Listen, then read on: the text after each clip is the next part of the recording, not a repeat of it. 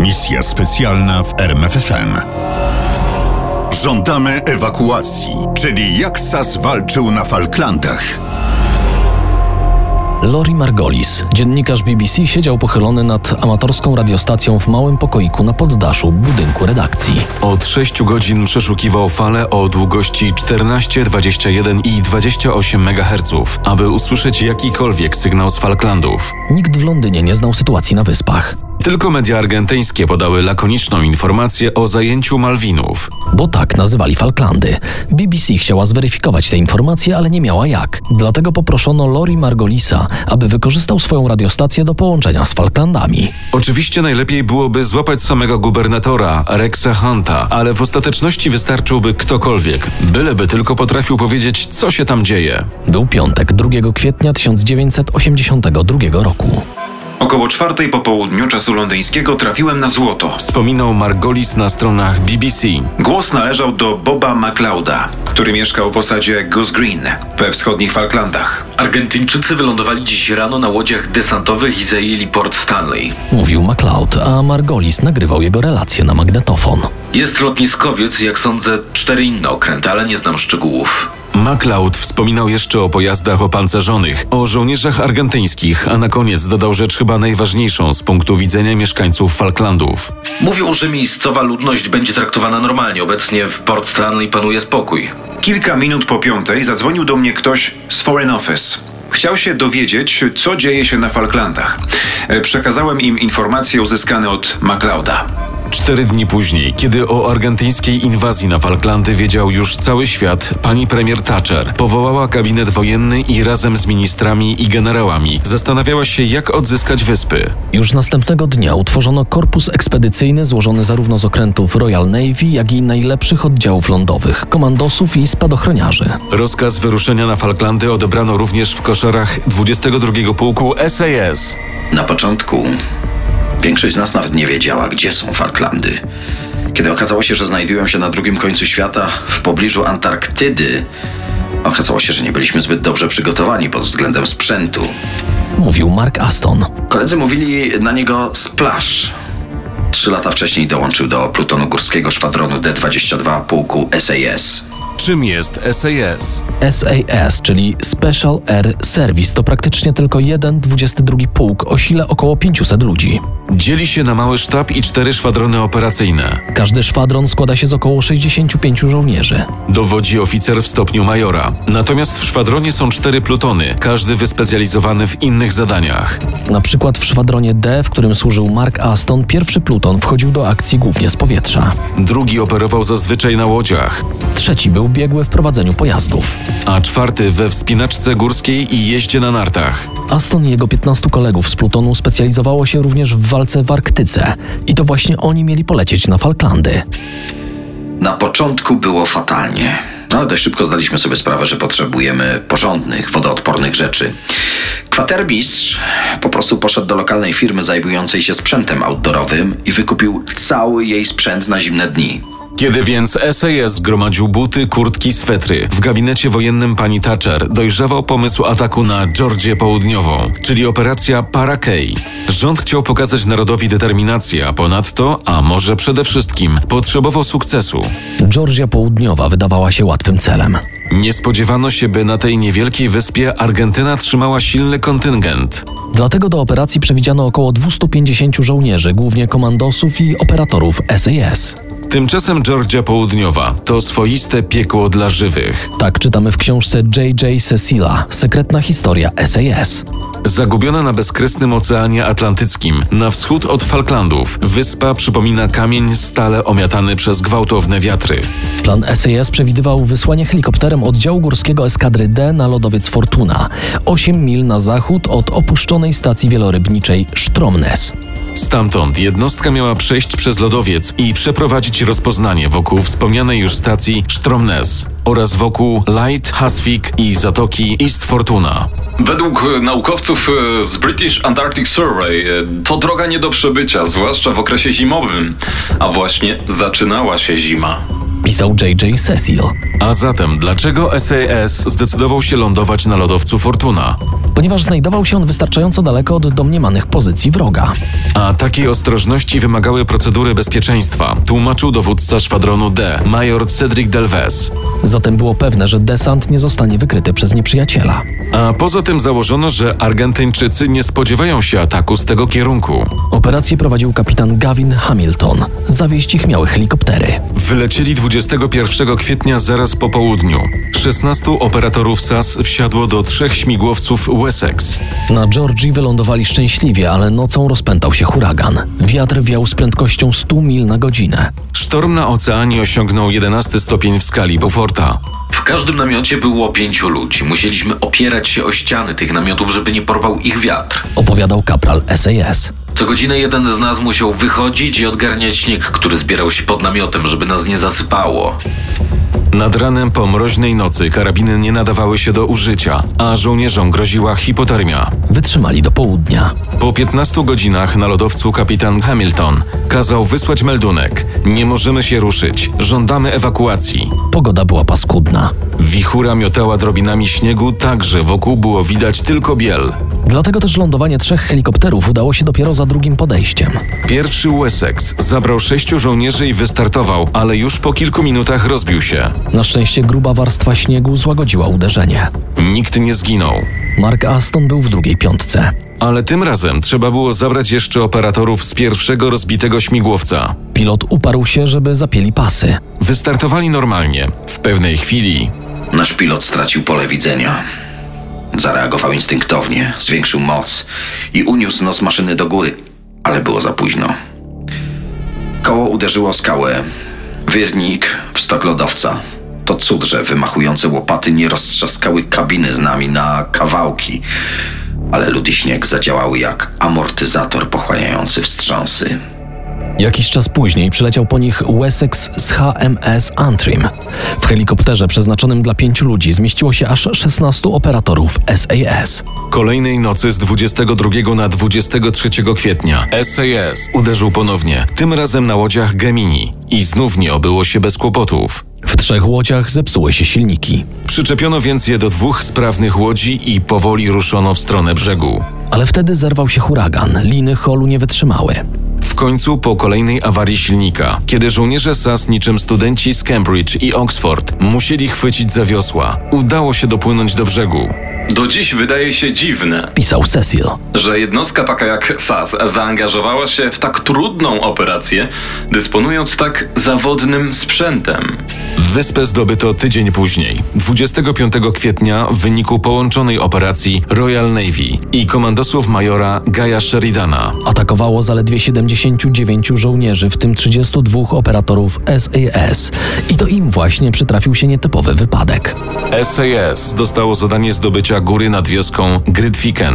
Operatorzy SAS bez trudu rozpoznali pozycję nieprzyjaciela na szczycie i zaczęli w nie strzelać. Ponieważ strzelanina się przedłużała, kapitan Hamilton kazał użyć ręcznej wyrzutni pocisków przeciwpancernych. Skutek był natychmiastowy.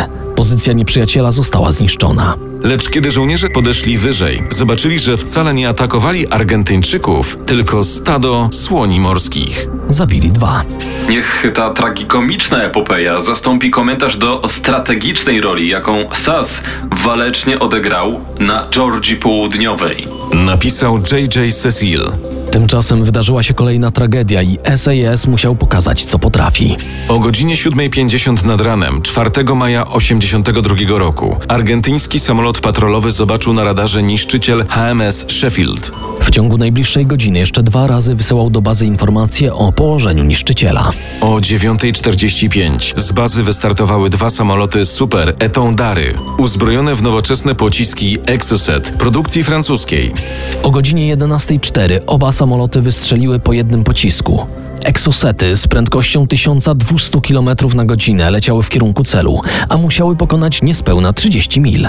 W tym czasie HMS Sheffield pełnił służbę patrolową na południowy wschód od Falklandów. Pech chciał, że radar, z którego korzystano na niszczycielu, nie potrafił wykryć samolotów lecących na niskim pułapie.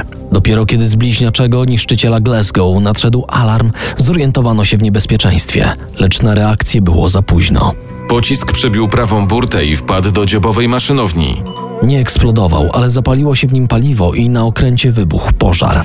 Załoga HMS Sheffield przez długie cztery godziny walczyła z pożarem. Kiedy jednak sytuacja zrobiła się beznadziejna, kapitan podjął decyzję o opuszczeniu okrętu. Marynarzy przetransportowano helikopterami na inne okręty. Zginęło 20 ludzi, a około 60 odniosło rany. Sheffield płonął następne sześć dni. Zatonął 10 maja. Utrata Sheffielda uzmysłowiła Brytyjczykom, jak groźne są rakiety Exocet. Nie było tajemnicą, że w arsenale Argentyńczyków są jeszcze trzy takie rakiety. Gdyby któraś z nich zniszczyła na przykład lotniskowiec Hermes, cała operacja odzyskania Falklandów mogłaby zakończyć się porażką. Dlatego te rakiety należało znaleźć i zniszczyć. To była dla Brytyjczyków sprawa życia lub śmierci. Tymczasem nikt z MI6 ani z wewnętrznej SAS-owskiej komórki wywiadu nie wiedział, w której argentyńskiej bazie szukać rakiet Exocet. Na szczęście ktoś trzeźwo myślący zaproponowałby zapytać o to sojuszników z NATO, Francuzów. Pomysł był trafiony. Okazało się, że kilku techników francuskich nadal przebywa w Argentynie i dobrze wiedzą, gdzie znajdują się rakiety. Tak więc któregoś dnia odebrano ściśle tajny meldunek, w którym przeczytano, że samoloty przenoszące rakiety Exocet stacjonują w Rio Grande na ziemi ognistej. Rzut oka na mapę wystarczył, by się przekonać, że chodzi o wyspę na południowym krańcu kontynentu, w dodatku podzieloną między Argentynę i zaprzyjaźnione z Wielką Brytanią Chile. Jedna z branych pod uwagę ewentualności zakładała, że SAS wycofuje się do Chile samolotem lub na piechotę. Na razie jednak trzeba było opracować szczegóły operacji, która bardzo szybko zyskała wśród operatorów niewdzięczną nazwę Operacja Pewna Śmierć. O ile zdjęcia bazy udało się zdobyć bardzo szybko, głównie dzięki życzliwości Amerykanów, to wciąż brakowało najważniejszych informacji. Gdzie w Rio Grande stacjonowały samoloty, gdzie przechowywano pozostałe pociski, gdzie jest kantyna pilotów. SAS sam musiał zdobyć te informacje. Ośmiu operatorów rozsiadło się wygodnie w helikopterze. Piloci dostali zgodę na start i po chwili śmigłowiec zniknął gdzieś za horyzontem z dala od lotniskowca. Mijały minuty, mijały kwadranse i godziny, kiedy za helikopterem poleciał w eter nowy rozkaz przerwać misję. Byli już jednak za daleko, by wracać. Pomyślmy tylko, Wspominał Richard Hutchings, pilot helikoptera. Dotrzeć nad Rio Grande z lotniskowca, a następnie wrócić na niego to 9 godzin lotu. Tymczasem maksymalny czas lotu Sea Kinga przy minimalnym obciążeniu i pełnych zbiornikach to 6 godzin. Pilot wylądował w pobliżu granicy argentyńsko-chilijskiej. Spalił Sea Kinga i razem z ośmioma żołnierzami SAS ruszył w kierunku chilijskiej granicy.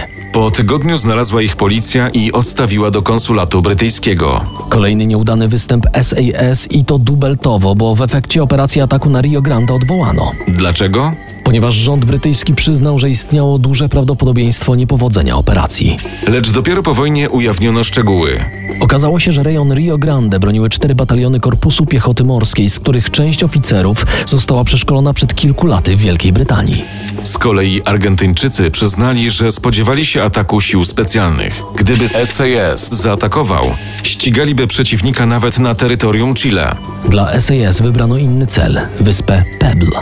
Zaraz po zajęciu Falklandów Argentyńczycy założyli na niej małą bazę lotniczą.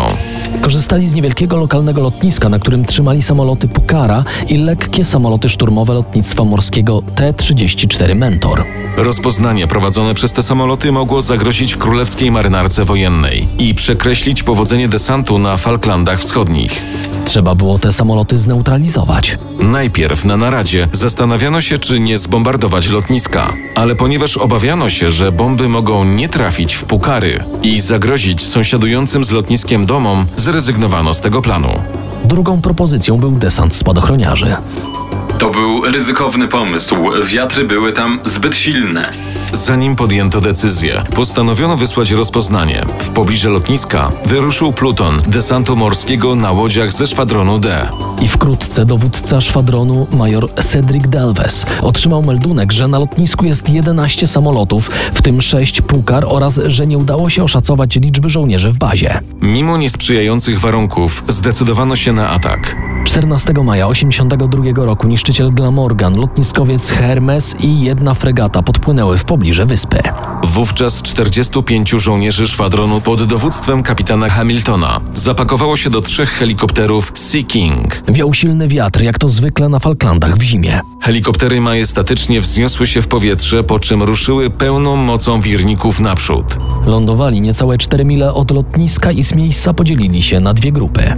Pluton górski kapitana Hamiltona ruszył w kierunku lotniska. Reszta dostała zadanie wsparcia ataku. Wyposażono ich w moździerze i ciężkie karabiny maszynowe. Płaskie, otwarte lotnisko, a na nim samoloty ustawione po prawej i po lewej stronie pasa startowego. Wspominał Aston. Napięcie nerwowe zaraz ustąpiło. Na teren lotniska weszli bez jednego wystrzału. W pobliżu nie było żadnego Argentyńczyka, tylko w oddali kręcił się jeden wartownik, który zresztą nie zauważył, a może nie chciał zauważyć intruzów. Pluton Hamiltona zaatakował bronią maszynową i ręcznymi wyrzutniami rakiet. Wszystkie samoloty zostały uszkodzone, a niektórym z nich odstrzelono podwozie. Tymczasem z daleka odezwały się działa niszczyciela Glamorgan. Celował w składy amunicji i paliwa.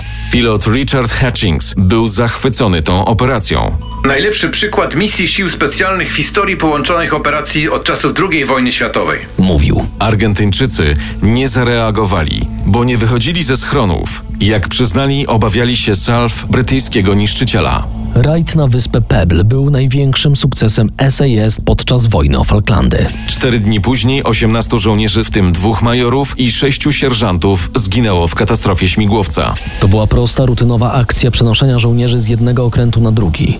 Jaka była przyczyna wypadku, do dziś dokładnie nie wiadomo. Prawdopodobnie w wirnik wpadł ptak, a ponieważ helikopter leciał na niskim pułapie, pilot nie zdążył zareagować. Myślałem właśnie, że za kilka minut wezmę prysznic i napiję się piwa. Wspominał Aston. Kiedy nagle helikopter uderzył w wodę, rzuciło nim do przodu, nie stracił jednak przytomności. Po przeciśnięciu się przez labirynt postrzępionego i poskręcanego metalu oraz przez dziurę wyrwaną w dolnej części kadłuba, chwyciłem się pokrowca na siedzeniu, aby nie utonąć. Potem zalała mnie duża fala. Temperatura wody ledwie przekraczała 0 stopni. Aston przeżył katastrofę tak jak ośmiu innych żołnierzy SAS, w tym kapral Davy. Pamiętam tylko, że rzuciło mnie pod wodę i zrobiło się zupełnie ciemno. Ja- nawet nie wiem, jak zdołałem się stamtąd wydostać, ale przypuszczam, że przed nimi drzwiami.